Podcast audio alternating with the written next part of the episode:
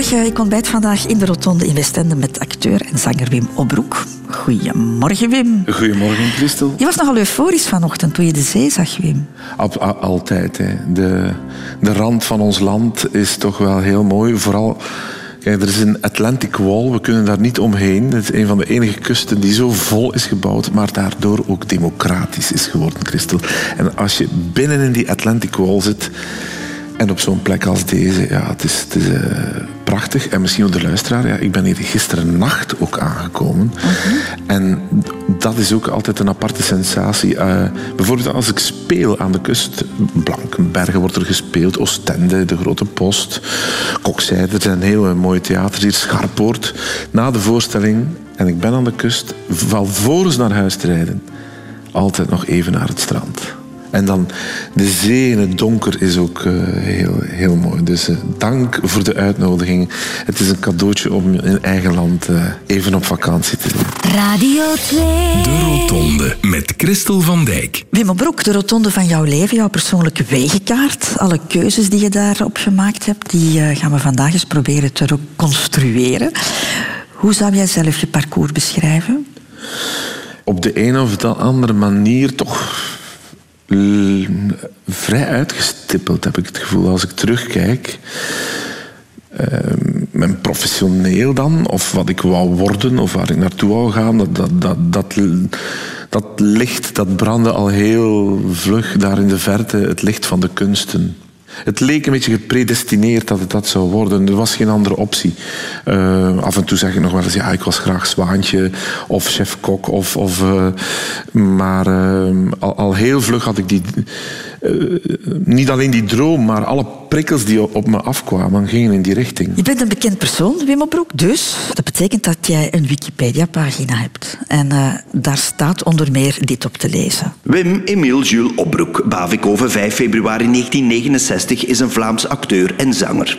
En dan volgt er nog een hele opsomming van wat jij allemaal professioneel gerealiseerd hebt, Wim. Dat is allemaal heel mooi om jou beter te leren kennen.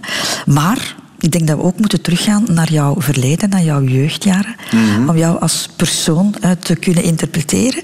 En dat vinden we niet terug in die Wikipedia-pagina die officiële. Dus we hebben voor een alternatief gezorgd. Okay. Wim Opbroek is geboren te Bavikhoven op 5 februari 1969. En zoals het een echte moeder betaamt, beschrijft mama Colette haar zoon op een uiterst objectieve wijze. Dat was echt, ten hier op de stoef, een hele gemakkelijk. Gemakkelijk maar eigenwijs nuanceert vader Dirk de stoef van moeder Colette. En dan gingen we naar de, de, de oudercontact en dan kregen we tegen ons voeten van... Uh, de lerares piano dat wel nooit zijn les leerde, maar altijd speelde wat hij graag speelde. En ook buiten de pianoles speelde Wim graag zijn eigen spelletjes, getuigt vader Dirk.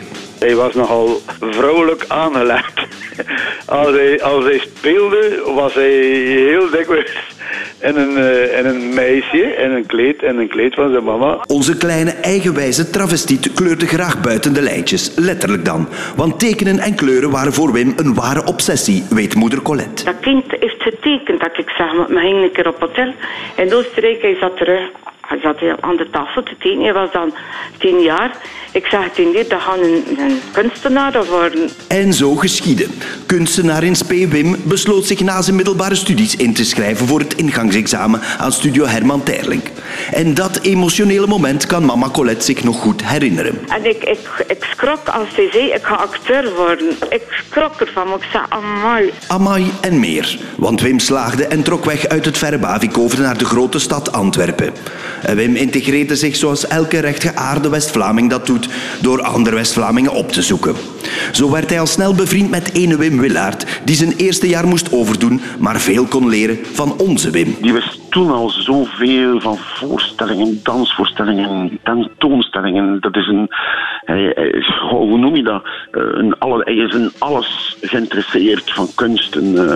En die heeft mij op sleeptouw genomen. Maar voor wat hoort wat. Als dank liet Wim Willaert hem ook met de andere wereld kennis maken. En dan nam ik hem mee op sleeptouw in de wonderenwereld van de nacht. Dat was dan niet mijn specialiteit.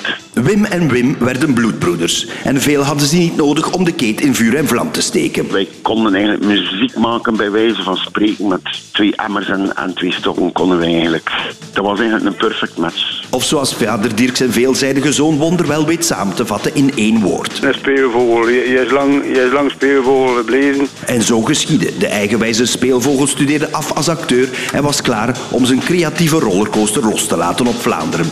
Acteren, regisseren, zingen, maar bovenal een speelvogel blijven. En de rest is history.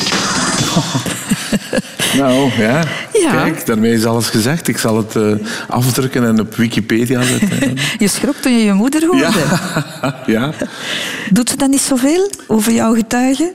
Nee, zij doen het niet zoveel. Ik heb heel veel over hen getuigd. Dus eh, ik heb heel veel over mijn ouders gepraat, over het nest waaruit ik kwam. Die vraag komt gewoon ook. Waar, kom je vandaan?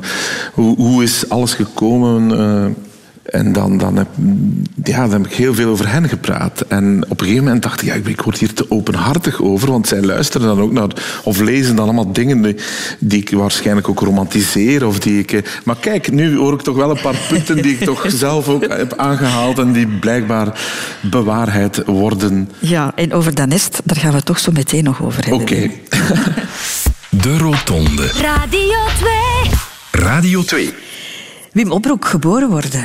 Dat is eigenlijk de eerste afslag in een mens zijn leven. Je hebt niks in de pap te brokken daarover. Waar dat gebeurt, dat heb je ook maar af te wachten. Maar het is wel belangrijk natuurlijk, de plek. Je was de oudste, jouw zus was eh, elf maanden jonger dan jij. Bijna een tweeling. Bijna een tweeling, ja. Dat is al een vrij intiem detail hè, voor uw ouders als dat geopenbaard wordt. Oeh, de dochter eh, kwam elf maanden, elf maanden later. Waar, je geboren wordt, daar hoef je geen tekening bij te maken. Eh, als dat in New Delhi is, in een van de laagste eh, rangen en standen van de kasten, dan ben je ja, gejost. Dus ik had het geluk, ja, dat moet ik echt zo zeggen, het grote geluk om, om geboren te worden in een, in een warm nest. Hoe zou je het omschrijven? Ehm, ja, goed, een, een, een, gezin met eh, vader en moeder die in de jaren zestig toch al heel vlug alle twee hadden gekozen voor een carrière. Vader in het onderwijs, mijn moeder in de, in de zorgsector, in het ziekenhuis, verpleegster, eh, kinderverpleegster, dan later kinderpsychiatrie. Dus eh, mijn moeder was een werkende vrouw. Hè?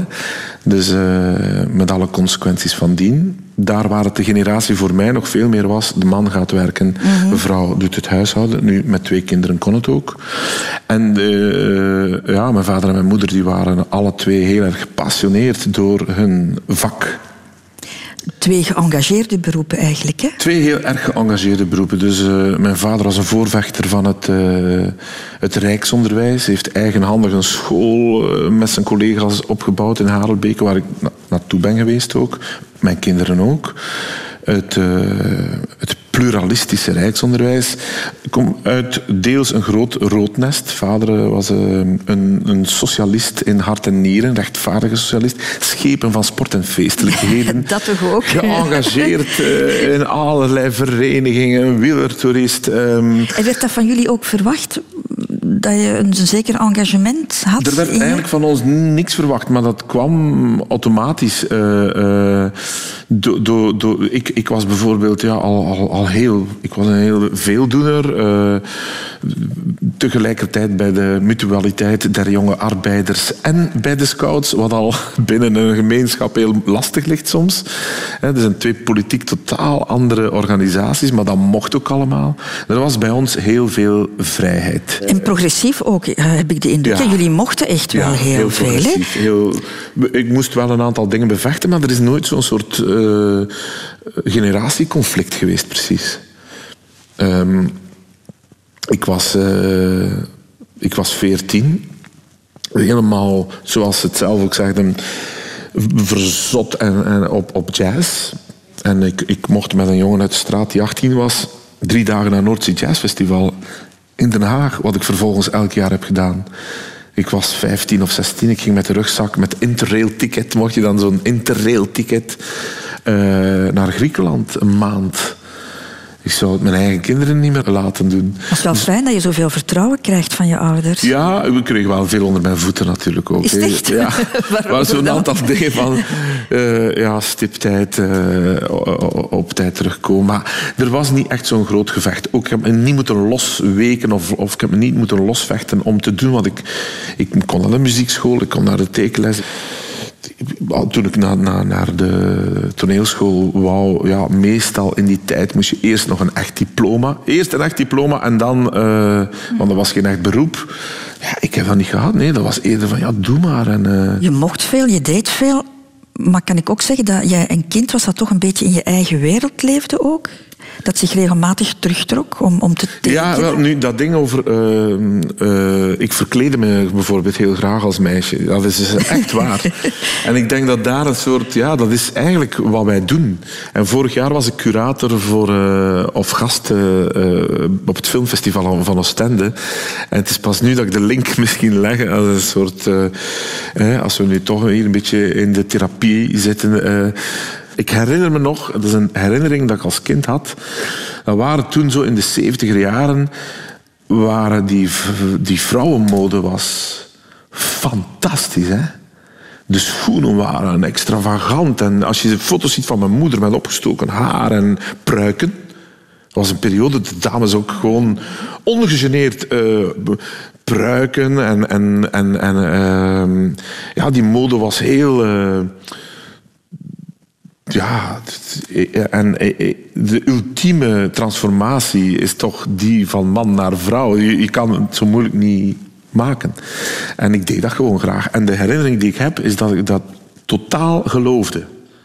Dus ik herinner me nu nog, nu door dit fragment, heb ik er nooit over nagedacht, maar door dit fragment te horen, herinner ik me iets, was misschien acht of negen, dat ik dat kleed aan had, van die kurkenzolen van, van 10 centimeter hoog, en over de draad kroop om naar het buurmeisje te gaan om te gaan spelen.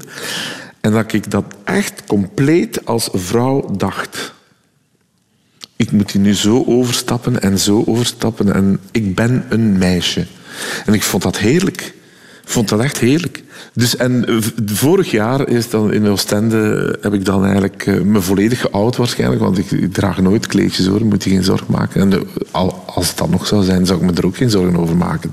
Maar daar had je die affiche waarin jij als dan vrouw helemaal waar een soort uh, ja, voilà. vrouw met... eh, maar het is, het, is een, het is toch iets wat te maken heeft met spelen. En, en dat is iets wat ik tot op de dag van vandaag nog doe. Ik ga naar het theater of naar een filmset. Ik trek mijn kleren uit. Ik trek een ander kostuum aan. En ik ben iemand anders. Of het dan een vrouw is, of een man, of een, of een, of een gangster, of een eerste minister, of een, of een eh, directeur van een fabriek. Ja, dat is toch het allerprettigste om te doen. Radio Radio 2. over de afslagen van het leven. De Rotonde. Je studies, Wim Opbroek. Na het middelbaar onderwijs kies je dus voor kunstonderwijs, voor, voor, voor plastische kunsten. Ja. Wat voor doel had je daarmee voor ogen? Ja, het doel wat ik eigenlijk altijd had, hè, wat ik zei, die uitgestippelde weg, eh, eh, was... ehm, kijk, het was al heel vlug duidelijk. Ik heb een jeugd achter de rug die heel zonnig en, en kleurrijk en fijn was. Ook met de nodige ups en downs en ruzies met de ouders. En het is allemaal niet een pad eh, zonder doornen geweest. Maar eh, ik heb ook één grote herinnering. De woensdagnamiddag, of dus mijn vader zat in het onderwijs, maar daar komt dan ook alles bij. Die weten dan ook alles over u. Dus eh, ik werd getest op PMS en dat was dus een heel goede test. En ze zeggen, ja, dus ik kan misschien een jaar overslaan. En ik denk dat dat de, de, de ramp geweest is. Eh, ik kon gewoon hier en kan nog altijd niet, geen wiskunde. Dus het is nu zou mijn diagnose dyscalculie of zo. Toen was dat, het ging gewoon niet. Dus ik heb urenlang naast mijn vader gezeten. De trein vertrekt op, op dat uur van A naar B. En hij komt aan. Hoe lang is die trein? En ik zag alleen maar een trein door een landschap rijden en, en, en de kleur van de wolken en de stads. Ik kon dat niet. Maar doordat we dan zoveel contact hadden met, met, eh, ja, met allemaal wiskundeleraars en, en pedagogen, zat ik dus iedere keer, eh, ik weet het nog goed, allemaal ja, heel de namiddag en breuken. En, en je hebt een taart en je verdeelt die taart en je hebt vier stukken. Hoeveel? Ja, ja, zag alleen maar die taart. En dat was, maar dat, dat was rampzalig in die zin eh, dat ik heel taalvaardig was. En eh, ben altijd een zeer geëngageerde student geweest. Altijd. Ik ging heel graag naar school. En, ehm, maar dat ging dus niet. En dat ging echt niet. En dat werd een probleem. En dan heb ik Latijn gedaan in eh, middelbaar gewoon. Enfin, wat is dat? De eerste twee jaar zo. En wat ik heel fijn vond, die taal. En, ah, dat was allemaal geen probleem. Frans leren, geen probleem. Alleen, al die exacte wetenschappen, dat lukte echt niet. Ondanks alle inspanningen. Dan zag men dan ook, ja, maar hij zit elke woensdag bij meester pup, pup, pup. En ik zat er dan ook elke woensdag. ehm, en... en ja, dat, eh, dat, Dus ik dacht, ik moet... Ja, zoals je dan georiënteerd wordt, gewoon een andere richting waar dat iets, iets kalmer is met die vakken. En toen eh, ja, was dat tekenen, wat mijn moeder zei. Ik tekende heel veel. Dus ik denk, ik ga plastische kunsten doen in het ateneum en dan krijg je dezelfde wiskunde hoor. En, dezelfde, en dat was eh, alsof de grot van Alibaba voor mij openging. Dat was een, een topopleiding in een topschool. Met, kan al- alleen maar het ateneum, de leraars waren zo vooruitstrevend. Zo, eh, ik moest daar ook knokken hoor. Ze hebben ik heb derde middelbaar dan ook nog eens opnieuw gedaan. Dus maakt u geen illusies dat dat... Dus ik heb dat opnieuw gedaan, maar ook geen probleem. Dan deed ik het opnieuw. En eh, vanaf dan werd ik daar ook de grote organisator in de ateliers. eh, We organiseerden open deurdagen waar ik dan happenings deed. En Moet wel een last van jouw schouders. eh, nee, ja, een last. Ehm, ik moest wel nog altijd heel hard werken op die algemene vakken. Maar ik kwam in, in, in die school en dan had je die... Ja, zo'n ateneum ziet er dan ook streng uit, maar dan had je ateliers. En die leraars, die, die, daar, daar stond Pink Floyd op. En Led Zeppelin. En die rookten. en, en, en, en die geur van terpentijn en verf. En, en de, de verbeelding die aangezet werd, letterlijk gestimuleerd. En, en, en dan ontmoette ik een, een leraar eh, na het derde middelbaar, een leraar wiskunde, die zo geïnteresseerd was in toneel en, en, en, en kunst en, en die mij begreep. En die zei van, maar ik ga er u doorhelpen. Zorg, zorg dat het minimum dat dat lukt. Ik, ik ga dat niet boycotten. En ik dacht, wauw. En ik kwam een leraar tegen die fysica deed, eh, fysica gaf. En ik kwam die tegen op een concert van Dollar Brand Abdullah Ibrahim in Limelight, een van de, van, van de meest artistieke zalen van Kortrijk. En die was daar. Ik dacht, hé, die mensen daar ook in geïnteresseerd. En, en er was een lerares, Martine Babylon, die gaf Nederlands eh, uit Gent. En die bracht die hele... Was per toeval, ik weet niet hoe dat kwam, heel veel licentiaten die in Kortrijk les gaven, die in Gent woonden. En die waren Gentenaar, die spreekten een beetje. Dus die wereld ging allemaal wat meer open. En wij werkten ook, eh, en dat is nooit meer gestopt. En daar heb ik die, die liefde gevoeld voor veel en lang en hard te werken samen met andere mensen. En dat is in theater niet meer gestopt. Als je op een filmset staat, is dat ook zo. Het zijn marathons werk je af. En daar was dat ook zo. Wij stopten niet. Het was vier uur en je, en je was nog aan het boetseren. Je ging door. En die leraar zei, ja, doe maar door. Ik zet nog even eh, de Beatles op. En hup, de pick-up. En, en, en, en als het dan na zes uur was, zei hij van... Zullen we een, een, eh, een glas Beaujolais drinken? En, en, ja, ik ben er lyrisch over. Ik ben, ben er vooral heel dank, dankbaar eh, voor. En dat heeft me er wel door, doorgetrokken. En dan op een gegeven moment heb ik gezegd... Ja, ik voel mij een middelmatige tekenaar, maar een eerder geniale toneelspeler. Ik ga nu eh, eh, na het middelbaar dan wel kiezen. Want ondertussen bleef ik... Ik zat eh, op de muziekschool, ik ging naar die pianolessen, maar ik speelde eigenlijk... Ik heb er soms een beetje spijt van als ik dat hoorde, dat ik het klassieke te vlug heb, ges- ben gestopt.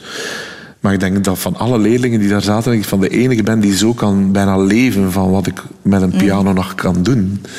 En, en ik speel ook nog elke dag piano. Dus je ziet, het, het brengt je altijd wel ergens. Ook als je zo tegen je zin soms naar die les gaat, omdat het alleen maar klassieke muziek is. Ik wou popmuziek spelen, dat, dat mocht dan niet. Maar goed, dan stimuleert dan ook weer een soort anarchie van, ik ga dat toch doen.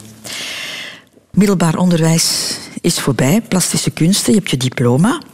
En dan beslis jij om naar Studio Herman Terling te gaan. Ja. Ook een logische beslissing in dat uitgestippelde pad van jou. Het, nee, ik heb gezegd, het, leek een of het lijkt een uitgestippeld parcours. Hè. Ja, dat, maar ook die beslissing was inderdaad, Christel, vrij logisch. Ja. Het, was, het was vrij logisch. Het diende zich aan. Ik had tijdens dat middelbaar... Uh, en over die dame heb ik ook al heel vaak gepraat. En ik zal het nu toch nog maar eens doen. Omdat dat, uh, ja, je hebt maar een paar ontmoetingen in je leven die belangwekkend zijn. Op professioneel gebied hè, dan. Um, en dat was um, de toneelles bij Klaar Leijren. Die ook ja, mensen nodig die, die een vuur aansteken, die een knop aanduwen, die, die, die een richting, echt letterlijk een richting induwen, die u smaak bijbrengen, die u kennis bijbrengen, eh, die u intelligentie scherpen. En, zij was zo iemand. Ik, ik ontmoette haar voor de eerste keer. Uh, was ook nog vrij jong, oh nee, uh, rond, rond de 14, 15 jaar. En dan voordracht. En dan kwam bij in die les en dat was een groot uh, klaslokaal. En daar was iemand een gedicht aan het voordragen. En dat was uh, indrukwekkend hoe die dat deed. En ik zat daar zo stilletjes binnen zo, en dan vroeg ze, wat vond je er nu van? Ik zeg, maar ik kan daar toch niks van vinden? Zeg, het is niet omdat je het nog niet gedaan hebt, dat je er niks van kan vinden. Dat was het eerste. Ik moest een, een, een mening vormen. Ik kon niks anders zeggen. Ik vond het heel mooi. dus ja, dat is goed. Dan heb je iets geformuleerd. Voilà. Ik vond het heel mooi. Daar is niks mis mee. En toen dacht ik, ja, wat moet ik nu doen? Wat moet ik doen? Wat moet ik volgende week? En in mijn schriftje, en dat was allemaal in die klassieke muziekwereld veel academischer. Dan had ik, ze moeten schriftje en dan moeten etudes. Ze zei niks. Daar is de... En er waren zo meewafkasten. Meewaf, ken je dat nog? Die nee. meewaf. Hele mooie kasten. Ah, ja, ja, ja. Zo'n beetje... Grijze? Ja, grijze. Ja, ja. Klak. En dat zat vol met literatuur, boeken, poëzie. En ze heb kies er twee uit.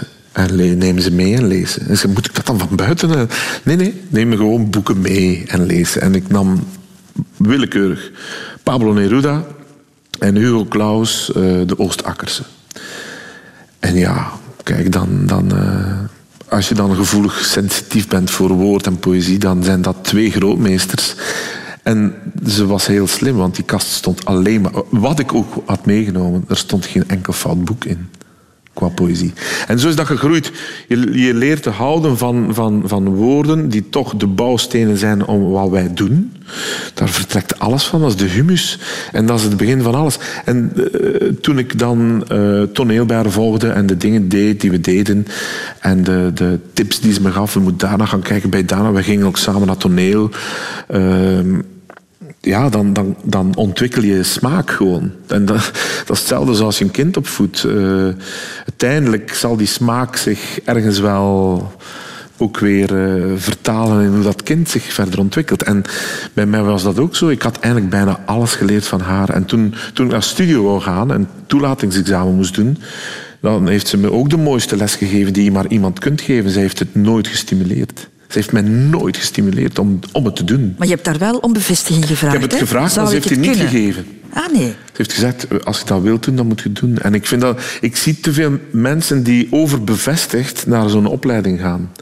Ik zie veel te veel mensen die gepusht worden, niet alleen in mijn vakgebied, om iets te worden ik denk, ja, nee, de beslissing, als die niet volledig 100% bij jezelf ligt, dan, dan gaat het niet lukken. Dan ga je voor de verkeerde redenen. Maar ben je dan met zelfvertrouwen aan begonnen, aan ja. die richting, toch? Ja. Zelfs in zoverre dat ik... Uh, ik wou eigenlijk heel graag naar het conservatorium, Dora van der Groen. En de, omdat daar uh, lag me iets meer qua aanpak. Maar de toelatingsexamens waren eerst studio en dan daarna conservatorium. En ik was aangenomen op studio. En ik vond dat zo... Oh, moet je dat inbeelden? Dat met honderden in een colon moet in een balletzaal staan. En dan de ene na de andere valt af tot je nog met vier overblijft. En dan ben je aangenomen. Oh, ik dacht, ik, ik zie het niet meer. Dat dacht ik wel van, ik heb niet meer de moed om dat nu nog eens te ondergaan.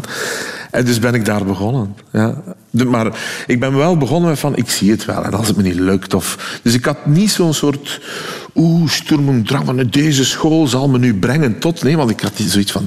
Ik was eigenlijk liever in het conservatorium geweest. Dus ja. het bijna niet uitspreken, maar het was zo. Maar je was daar dan, uiteindelijk, in de studio. Ja. En je hebt daar vier fantastische jaren Absoluut. gehad. Ja, absoluut. En dat zijn de heftige jaren. Hè. Je wordt geconfronteerd met veel.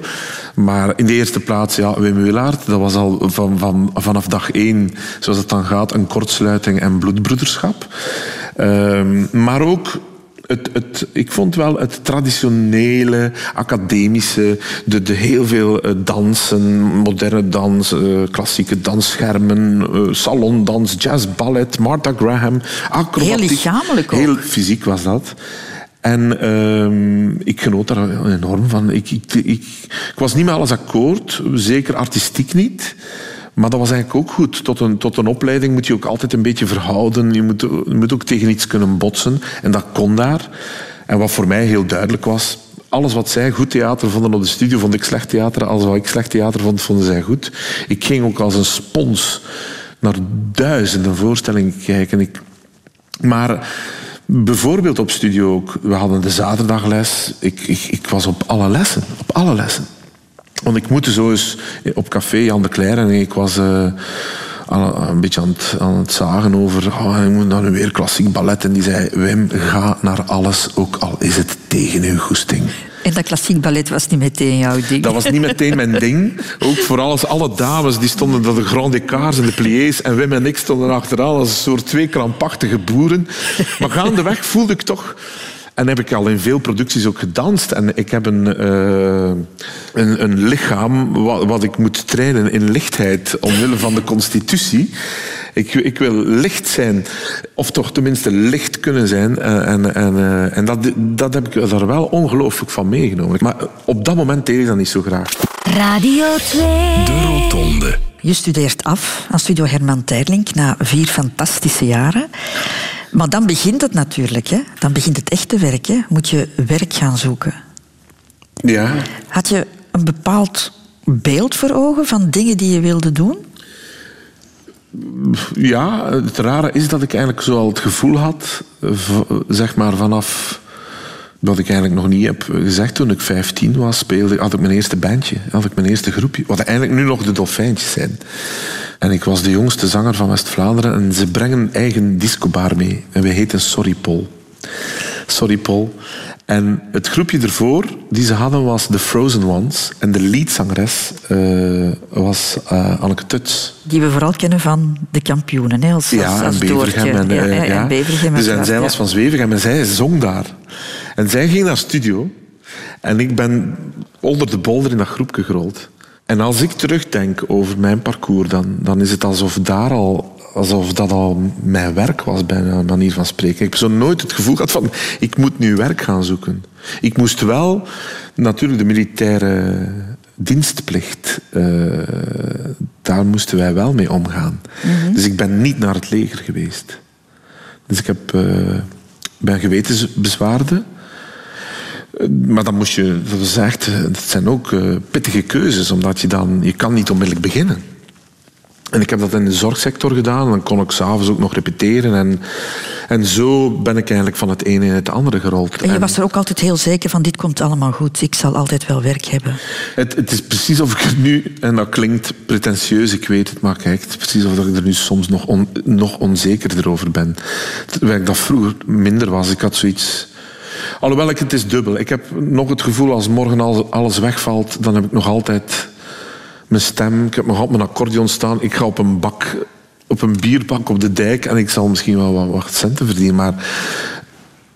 En had je dat toen ook al het gevoel van ik, ik kan andere dingen doen? Ik heb uh, heel lang het gevoel gehad dat ik dan niet echt was, acteur. Dat de anderen dan echter waren. En dan... Uh, ja, op een gegeven moment kon je het dan wel niet meer ontkennen. Van ja, kijk, je, je bent het nu. Maar het, hele gegeven werk kunnen ontwikkelen, uh, uh, uh, ideeën realiseren, um, dat blijft natuurlijk een, een lastig aspect. Of je, nu, of je nu een carrière hebt van 40, 50 jaar en je wil weer een nieuwe film maken, dan moet je door alles weer. De, ik lees dat ook bij, bij voorgangers. Elke, dus het aspect vanaf nul starten, uh, uh, aansluiting vinden bij een ensemble, aansluiting vinden bij een, bij een productiehuis, iets kunnen. Dat, dat is een heel apart talent. Dat, dat, er is nog zo'n kant, geluk. Je moet, je moet die dingen ook die je in je hoofd hebt en je wil een plaat maken en die, je wil dat die op gedraaid wordt op de radio. Dat, dat, is, dat is een dat is niet altijd een prettige weg. En die blijft natuurlijk. Het is nooit zeker. Ik zei vroeger, het zekere aan ons vak is dat het onzeker is. Dat is de enige zekerheid dat er is. Het is onzeker. En dat is wel zeker. Heb je soms dingen gedaan voor, voor het geld ook? Omdat er brood op de plank moest komen? Je hebt bijvoorbeeld, wist ik eigenlijk niet, in Wittekerke Dat heb je ontdekt. In- nee, dat is geen ontdekking, maar ik wist niet. Ik herinner het me niet dat je ooit nog in Wittekerke gespeeld Oh jawel, hebt. ja, ja, ja. Philippe Peters ook en Koen Ja. de Bouw ook. En, Ja. en, ja, en met veel plezier. Ik, ik filmde graag, ik werd daarvoor gevraagd en ik heb daar een rol in gespeeld, Semtex. Eh, in de beginjaren daarvan was dat voor het geld, misschien voor een stuk, maar dat was ook eh, heel, heel plezierig eigenlijk. Eh, ik heb nergens spijt van iets wat ik heb gedaan. Er zijn veel dingen mislukt ook. Hè. Er zijn veel dingen niet volledig gelukt. Er zijn veel dingen... Wat is het lijkt nu allemaal fantastisch of het lijkt nu allemaal... eh, Wauw, maar er, je moet ook niet onderschatten dat dingen ook niet lukken. Ah, eh, ik, maar het wil niet zeggen... Ik heb wel in producties gestaan die ik, als ik dan heel eerlijk ben, die ik misschien een 6 op 10 geef. Maar waar ik altijd met heel veel trots en, en, en eh, ja, waar ik nog altijd 100% achter sta. Zelfs al geef ik ze zelf maar 6 op 10. Dus je kan ook moeilijk van het ene meesterwerk naar het andere wandelen. Ook als je collectieve dingen maakt, zoals een film of, of, of een theaterstuk. Een boek is nog iets anders, dan ben je persoonlijk heel erg verantwoordelijk voor het ding. En eh, je wordt geconfronteerd met recensies, je wordt voortdurend beoordeeld. Dat stopt ook nooit, hè. Die beoordeling stopt nooit. Elke keer opnieuw. Je bent maar zo goed als je laatste stuk. Je bent maar zo goed als je laatste film. Je bent maar zo goed als je laatste rol. Elke keer als je aan iets nieuws begint, is dat toch een bevalling. Ja? Ja, en dan, dan mag je van geluk spreken dat je elke keer mag beginnen. Je moet je inbeelden dat je, dat je dat niet meer kunt doen. Er zijn veel mensen die zitten te wachten, die zoeken naar steun, naar subsidies, naar die...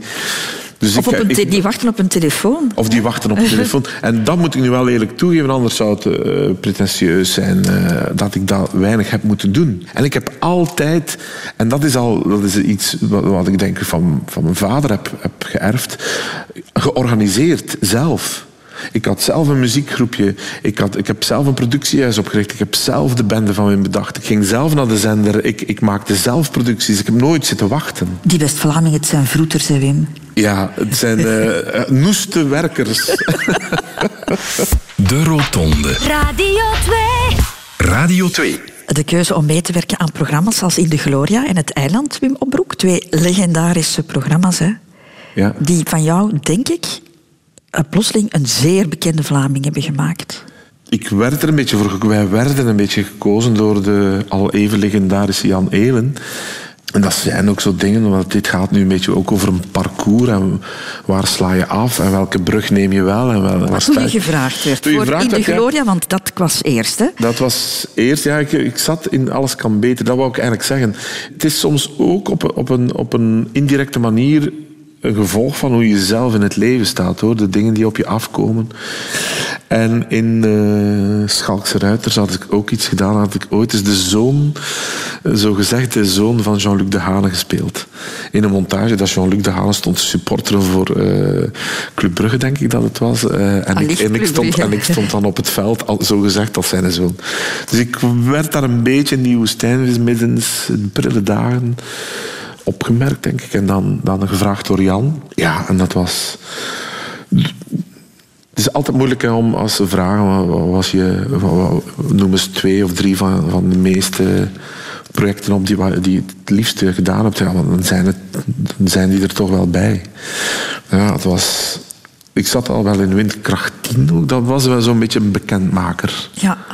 Dat was daarvoor. Dat, in één keer voelde je van, ja, je werd herkend of aangesproken. Of Windkracht 10 was ook wel een grote reeks op, op eh, de VRT. Op zondagavond. En, maar dat was in één keer wel, ja, het was rock en roll, het, was, het kreeg prijzen. Het, eh, maar wat men dan ook vergeet, de, eh, de, de- alle proeven die we gedaan hebben, waren ook niet altijd even goed hoor. Dus, het- het duurde wel een tijdje voordat de toon gevonden werd. En het, het goede is dat we durven eh, improviseren en experimenteren op onze bek te Want gaan. jullie hadden eigenlijk geen tekst. Klopt dat? Ja, jullie hadden Jan gewoon een, heel, Jan een situatie. heel goed wel wat de situaties, en, maar dat was nooit een uitgeschreven scenario. We hadden altijd een paar zinnen, een paar eh, cliffhangers, een paar eh, ja, houvasten. Daar moet het over gaan. En dan begonnen wij dat eigenlijk gewoon te draaien in een huiskamer, ergens te landen, meestal rond Zaventem.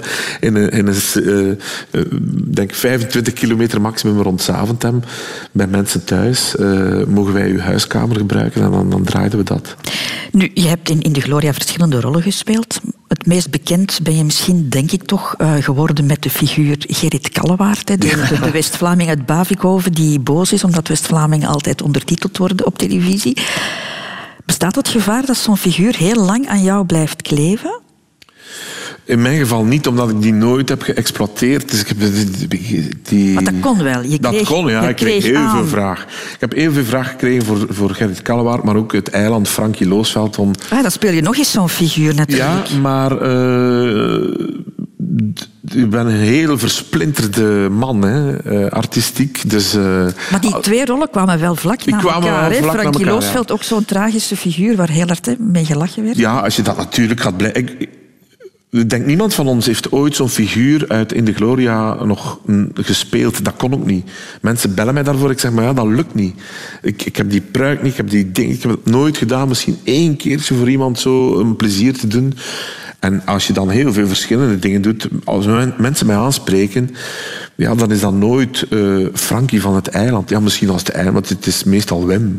En het is Wim van de bende of Wim van de Dolfijntjes of, of van, van op toneel te zien. Dus men ziet een soort... En dat is wat ik altijd graag heb gewild.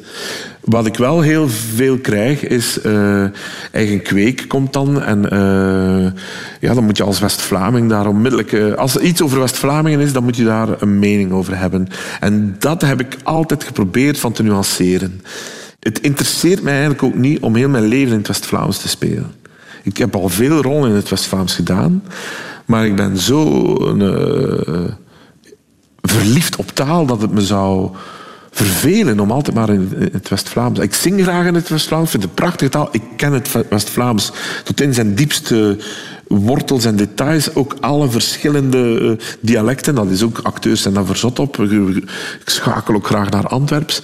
Maar ik werd wel op een beetje op, op een duur het, het, eh, het, Vla- het West-Vlaams boegbeeld. En, en hij had Willem Vermanderen, je had dan het Hof van Commerce, je hebt nu gelukkig Johannes Capelle, je hebt nu gelukkig... Dus wel door die sketch een soort humor was toch daarvoor eh, veel voorbehouden voor het Antwerpse. Om even terug te komen naar mijn eerste vraag. Ja? Ben je een bekende Vlaming geworden door die twee programma's? Ik, ja, ik, ik denk het dan wel. En is dat dan een goede keuze geweest? Als, als, als, als dat de referentiekader is, Nee, maar ik bedoel qua werk, qua aanbiedingen, televisiewerk. Ah, zo. Op die manier. Ehm, ja. Ah, ik bedoel, je moet niet ontkennen dat dat gewoon twee... Soms zit je in projecten die... Ja, wat ik de- de- voor, voor een paar uur geleden... een paar uur geleden al zei. Soms zit je in iets waarvan je voelt, ja, dat is niet meteen... En soms zit je meteen... Een totaal gelukt ding... Wat niet erg is. En soms zit je wel eens in iets waar je voelt, ja, dit is wel, dat kan je niet meer ontkennen in de recensies en in het publiek eh, en in de ontvangst en in hoe je er zelf. En dit waren toch twee zo'n dingen. Je moet dat niet ontkennen. En die hebben veel, veel, die hebben veel, tot op de dag van vandaag maken die nog altijd veel los. Ja, dus, dus zeker een goede keuze. Ja. Zullen we het eens over de liefde hebben, Wim Opbroek? Toch ook een belangrijke afslag in het leven. Heb je daar een mooi beeld van meegekregen thuis?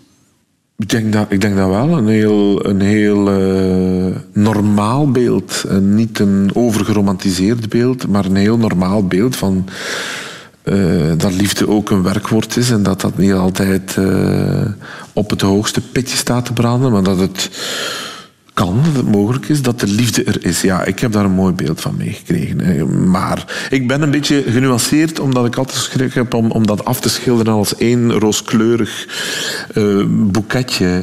Als ik dan naar mijn ouders kijk, dan, ja, dan zie je gewoon een leven met, met alle, zoals het bij mij is ook, met alle ups en downs. En, en hopelijk meer ups dan downs, maar af en toe een keer af en toe een keer ja, moet je weer aan de kaart trekken. Hè. Dat is denk ik bij iedereen zo.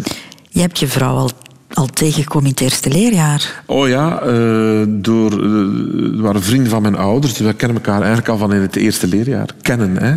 Ken ik haar al. En was zij voor mij een onbereikbare prinses. Uh, waar, ik, waar, we weinig over praten, dat, dat, dat tot de privésfeer behoort en zij daar heel erg op gesteld is. Begrijp maar in deze rotonde met zicht op zee wil ik haar wel eens. Uh, soms uh, misschien door er te weinig over te praten. Ja, het is een cliché hè, van, van die, die hele sterke vrouw. Die, als ik die niet gehad, dan uh, had ik nooit kunnen doen wat ik nu doe. Hè. Dat, is, dat is een feit. Wel, wel fijn dat je als kind al zo'n grote gevoelens kan hebben. Hè? En dat je die ja, maar ik heb natuurlijk wel... Uh, ja, ja, zal... maar, er is nog een tussenweg was, ja, We zijn wel high school lovers, dat moet ik wel zeggen. En dat wordt soms raar bekeken, maar nog altijd... Ja, ik zeg ja, ja, dat is nog zo. En, en we zijn high school lovers, denk van 18 of zo. En, en dat is gebleven en dat is... Dat is uh, ik denk dat het zal blijven. En, en, uh, ja, en dat is eigenlijk super fijn. Ik kan daar ook de eerlijkheid uh, zal ook, en als ze luistert of het leest of het verneemt van vrienden die het hebben gehoord. Want ik zeg het, we, het behoort echt strikt tot een soort. niet veel behoefte om, om daar uh, veel, uh, heel erg open over te zijn. Maar uh, ook in mijn geval is dat ook. Ik bedoel, uh, moeten met iemand zoals ik samenleven, die er daar straks in vurige bewoordingen zegt van het is elke keer een strijd. En uh, als je in een productie zit, dan zit je daar ook echt in. Ik kan ook echt verdwijnen in mijn kop. Ik kan met iets bezig zijn. En dan is Anne altijd om... om we hebben eigenlijk een heel gewoon, ja, goed, goed leven samen. En, en, ook naast die kunsten. Hè. Ik bedoel, ik heb het ook al lastig gehad. Hè. Dus uh, uh, je, je, moet ook naast alle fantastische dingen die we hier opnoemen, uh, soms incasseren. Hè. Laat ons daar ook eerlijk in zijn incasseren in de zin dat iets niet een, een succes wordt, of dat iets niet, uh, of dat je beoordeeld wordt, of dat je aangevallen wordt, of dat je. En wat is dan de beste haven die er nog altijd is? Als, dat, dan is dat toch je nest, je gezin, dat is dat toch dat. Als alles wegvalt morgen, is dat toch dat. Dus je kan maar beter af en toe een blokje op het houtvuur gooien.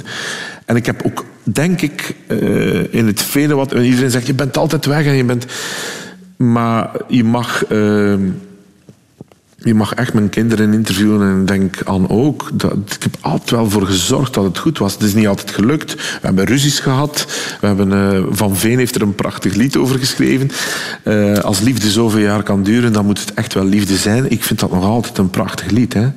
En uh, ondanks de vele bange uren, de hartstocht en de pijn. En dat klopt gewoon. En als je dat durft onderkennen, dan kan je het wel lang volhouden. En, uh, maar er moet voortdurend... Dus ik heb het nog altijd, ik kan niet anders zeggen. Uh, uh, elke avond dat ik in het buitenland ben, stuur ik een sms'je van slaapzacht. Elke avond. Ik ga dat nooit overslaan. Het is een nozel klein detail, maar ik ga het nooit overslaan. Dus het zijn misschien soms van mij uit romantische pogingen om... om om de boel draaiend te houden. En, en Anne zal ook wel meer met veel meer concrete zorgen over het huis gehad en over de kinderen en over de opvoeding. En dat heeft zij echt op haar genomen. Ik zeg, ook dat is een cliché wat je vaak hoort. Of het nu een vrouw is of een man, je hebt toch altijd iemand nodig die... Ik toch. Ik kook ontzettend graag. Ik, maar laat me dat niet voor mezelf. Ik kan het niet. Als ik alleen in een appartement zit, en ik heb dat ook vaak. Eh, ik was onlangs een paar maanden in Maastricht of in Amsterdam of in, noem het maar op. Dan, ik, ik, ik zorg niet meer voor mezelf. Ik, ik verloeder tot een... Uh, dus ik ga alleen maar op restaurant gaan zitten als een soort uh, crazy gentleman met een moleskin boekje en een beetje met zijn spulletjes. Dan ik, ik moet kunnen zorgen voor iemand. En dat is ook zo. onze kinderen die zijn nu groot en, en, en als wij samen eten, dan wordt die tafel gedekt als van ouds. Zilveren bestekken. Uh, dus er komt geen eten uit een karton. Of dat wordt, alles wordt op schalen gedresseerd door mij. Ook zelfs al zijn we maar met twee. Ze mag zijn nogal van geluk spreken. Zeg, zeg. amai, zeg, zo'n vent, je zou ervoor toch. tekenen. Ja, maar ja, ze had ervoor tekenen. Ik kan het verzekeren. Nou de, nega- de negatieve aspecten doen we dan in deel 3. Mag ik nog een moeilijke vraag stellen? Dat mag jij. Je leeft in een speciale wereld, Wim Opbroek. Eh, een wereld waarin je heel close bent met je medespelers. Waarin je een band opbouwt. En dan heb ik het vooral over een, een emotionele band. Hoe, hoe, hoe, hoe ga je daarmee om? Om daar niet te ver in te gaan. Ah, je bedoelt dat je zou kunnen verliefd worden op... Ja, Ja, in, in dat opzicht is, ons, is er een groot misverstand over, denk ik, acteren. Eh, misschien is acteren nog wel het duidelijkste. Het is acteren. En als ik rond mij kijk, en mijn ouders, of mijn vader, eh, die zat dan in het onderwijs. Als ik zag hoeveel echtscheidingen dat daar waren, en affaires, en op de bank, en op, noem het welke wel- werkvloer, ja, dan is het eigenlijk niet anders. Enfin, mij is het niet overkomen. Natuurlijk moet er ook een groot vertrouwen zijn, eh, om, om, om, omdat je partner in een totaal andere sector werkt. Mijn vrouw werkt in een totaal andere sector. Maar ja, wij zijn ook daarin gegroeid. eh, als zij die vrijheid niet geeft, als ik, als ik drie maanden weg ben. En dat groot vertrouwen is er altijd geweest. Eerlijk gezegd, ik ben nogal een trouwe labrador. Dus eh, het, zou, het zou vlug van mijn tong rollen of zo. Als, als, eh, maar het is een misverstand dat het, dat, dat, dat het een soort beroep is waar dat dan gemakkelijker... trouwe labrador. Ik ga voortaan zo aan jou denken, Wim. Ik vind, ik vind het een mooi Een beeld. Ja. Die zijn meestal ook een beetje te dik, labradors. Die zijn, waar, die altijd neiging neiging om dik te worden. Ik, heb, ik, ik ken ook nog zo iemand die die neiging heeft, ja. Radio Radio. Over de afslagen van het leven. De Rotonde. Kinderen, Wim Opbroek, is ook een heel belangrijke afslag in het leven. Daar kies je voor of daar kies je niet voor. Jij hebt daarvoor gekozen. Je hebt een, een zoon van 20, dochter Ja. van, van 24. Was dat voor jou van meet af aan duidelijk? Ik wil kinderen? Ja, voor ons. Alle twee. En ik ben ook heel vroeg vader geworden.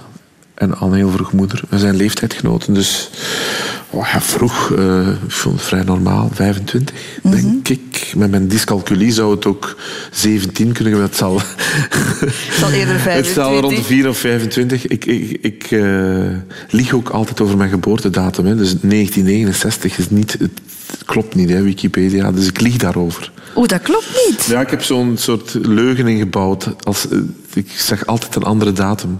Ik zeg nooit mijn echte leeftijd. Ik weet ook niet waarom. Het is een, het is een biecht die ik nu Dus doe. eigenlijk ben je toch een vijftiger. Eigenlijk ben ik 65. Nee, dus eh, dus ik, als ik zo...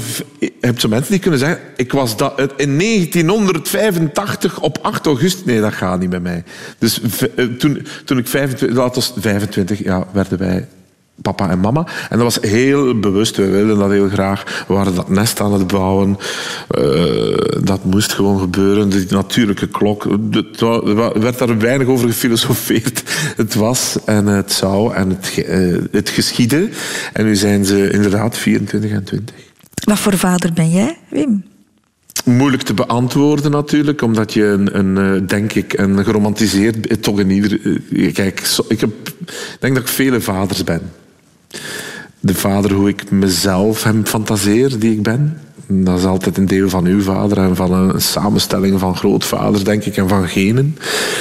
En de vader die ik werkelijk ben, ja, dat zouden zij dan moeten beantwoorden. Eh, ik, ik heb toch het gevoel, als ik dan met hen praat en als ik zie hoe ze hoe ze nu in het leven staan, dat we, we het niet zo slecht gedaan hebben. Ik spreek heel bewust met we. Maar jij vraagt, welk soort vader ben je? Goed, ik ben in ieder geval niet, en dat misverstand wil ik ook, niet die afwezige man geweest. Want wie is die vreemde man in huis? Ah, dat heb ik toch altijd vermeden. Eh, Hoe kan je zoiets vermijden?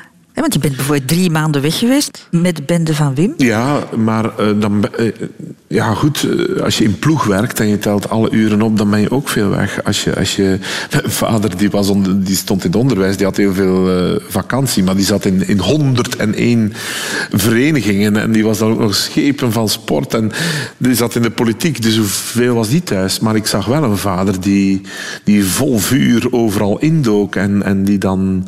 Ik, ik heb altijd ben ik naar huis gereden eh, als het kon. eh, al was het uit Amsterdam. al ik ben altijd nog eh, s s'nachts, dat was dan mijn eh, de, de, de papfles gegeven. Altijd de nacht, hè, dat was goed. Ik ben altijd opgestaan, ben, op belangrijke momenten altijd geweest. Altijd, altijd. De agenda's eraan aangepast soms.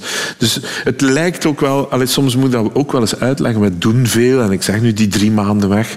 Maar dat waren ook wel weekends in dat we naar huis we bouwen, Je bouwt dingen in, je plant het, je plant het. En we hebben ook fantastische dingen samen kunnen doen. Ik, ik moest eh, een jaar of tien geleden spelen in, in Australië. En toen, toen zijn ze mee geweest.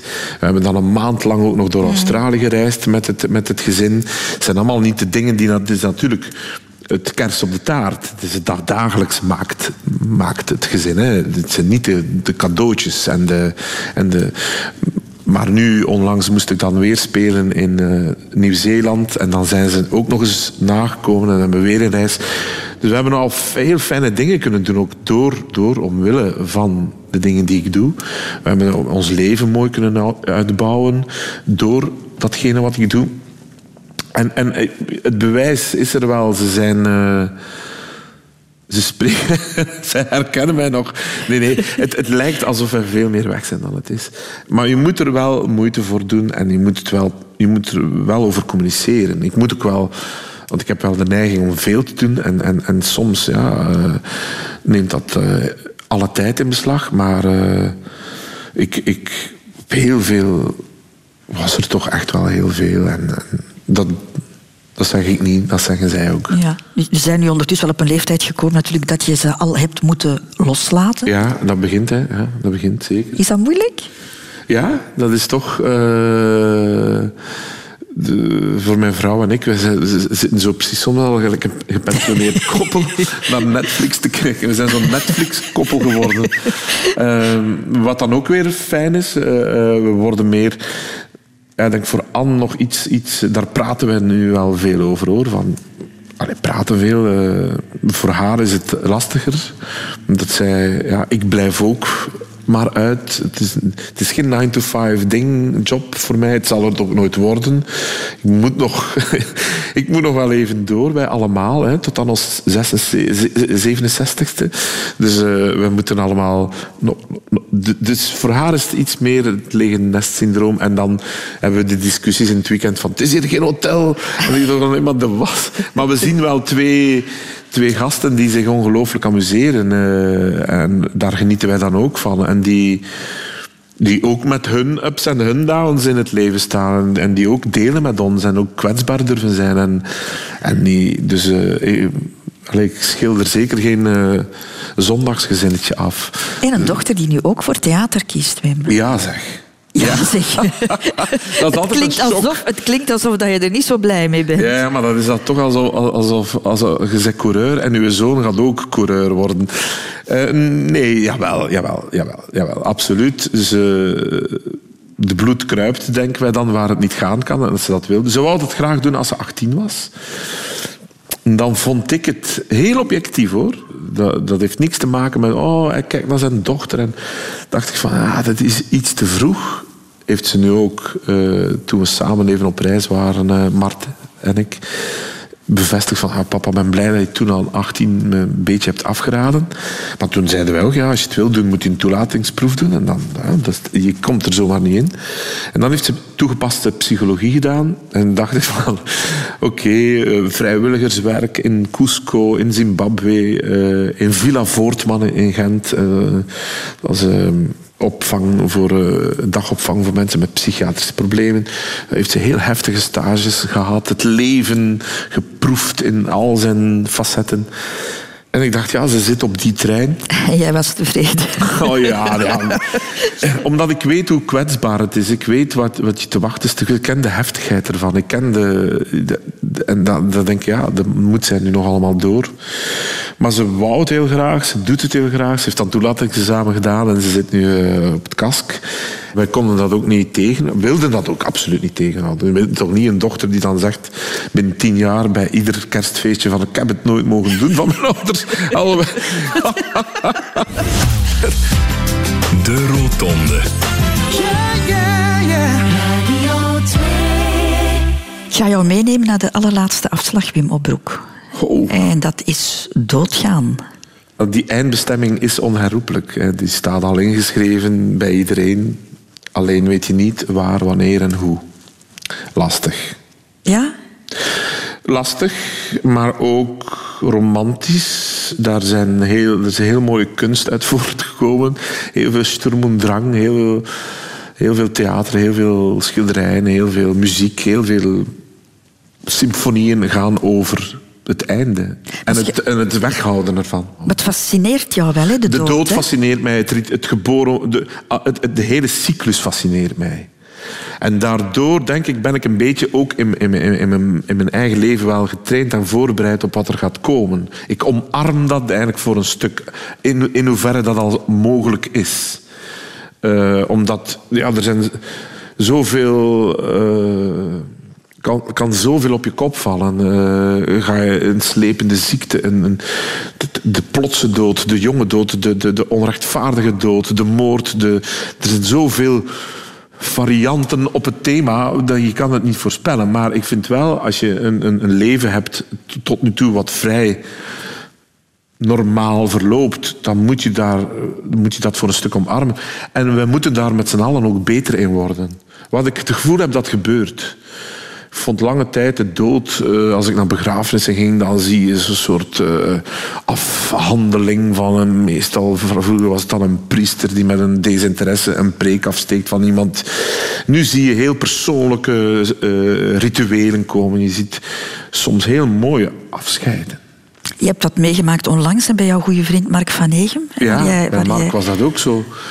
Eh, maar ook bij andere, totaal onbekende mensen, ben ik soms al naar een afscheid geweest dat ik achteraf een bericht stuurde of zelfs persoonlijk even een brief schreef of iets zei van jullie moeten beseffen dat in je verdriet de manier waarop jullie dat hebben aangepakt, jullie mij hebben getroost.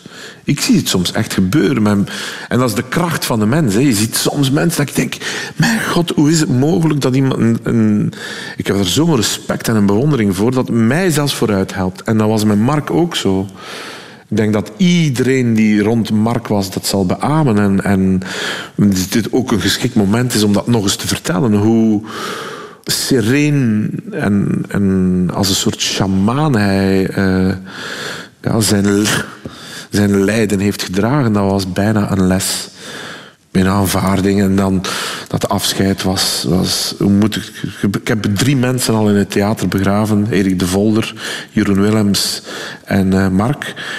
En in dat theater, en dan moet ik zeggen, dan is het toch een van de meest spirituele plekken. Iemand die daar heel zijn leven lang op die planken heeft gestaan, die dan met liederen en met getuigenissen. En ik vond het, ik vond het van zo, zo'n grote troost dat ik daar eigenlijk beter ben buiten gekomen. Het klinkt raar, maar ik denk als je dat op die manier kan doen. Je moet het kunnen, hè. Pas, op, dat is niet voor iedereen weggelegd. Hè. Je moet omringd zijn. En, en ik ben ook al naar een begrafenis geweest van, van, een, van een oude dame, van een vriend van mij, de moeder van een vriend. En ik heb zo het principe, als ik een begrafenis, als ik een doodsbrief krijg, dan ga ik er naartoe. Welke geloofsovertuiging ook. En ik ga niet weg tijdens de, na de offerande. Ik ga altijd heel ding zitten. En dan heb ik ook al eens een heel eenvoudig afscheid wat ook zo mooi was. De- Maar ik hecht daar wel aan, ja. En ik, ik, word er ook vaak voor gevraagd, merk ik. Heb eh, onlangs nog gespeeld, eh, een lied op eh, de begrafenis van tante Terry, van Terry van Ginderen. En dan voel je ook dat dat ergens deugd doet. Nu, Mark was dat wel heel zwaar.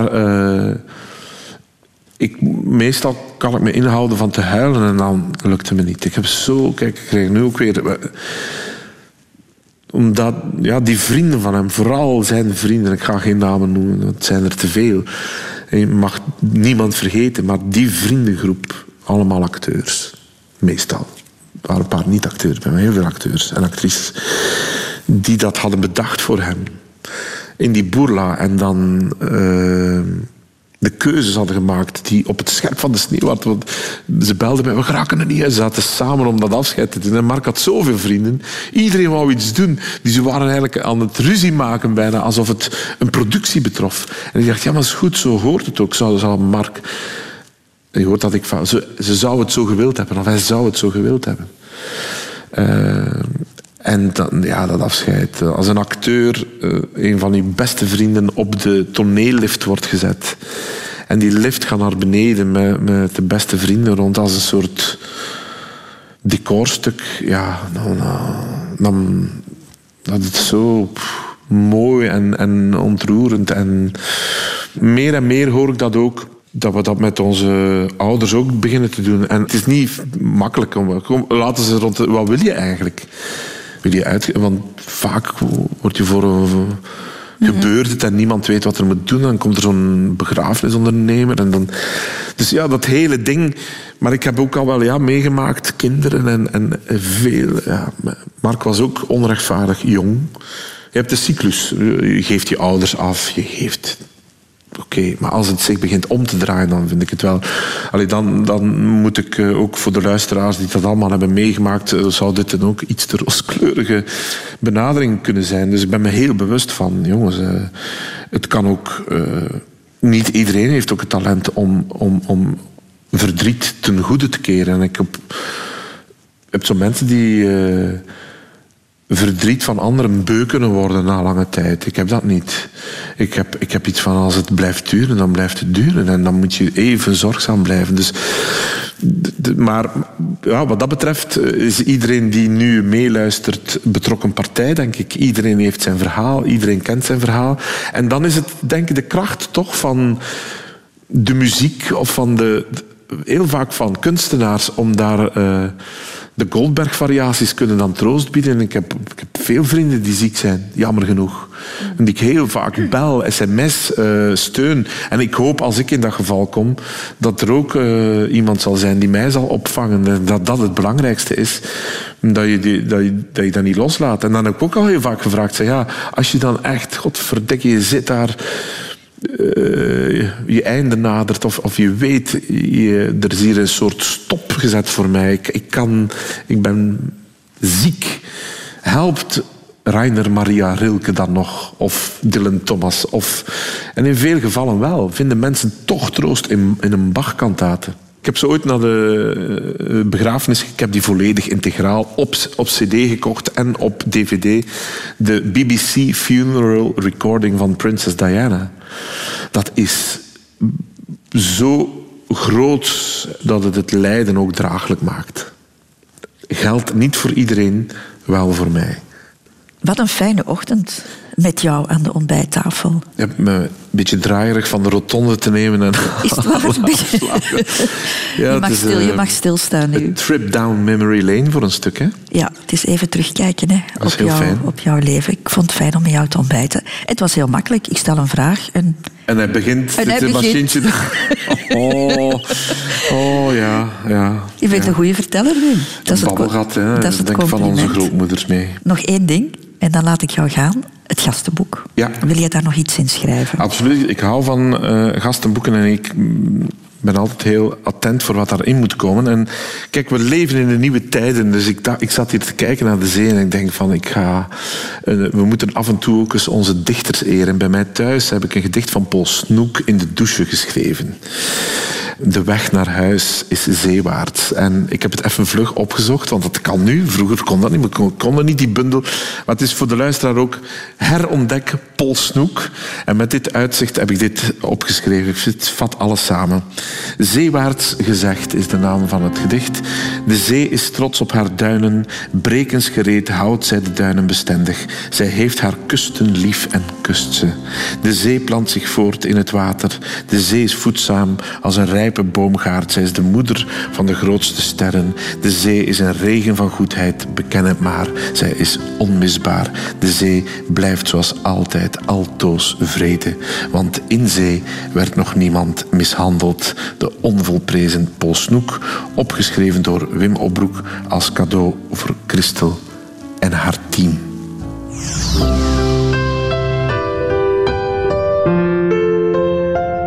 Radio 2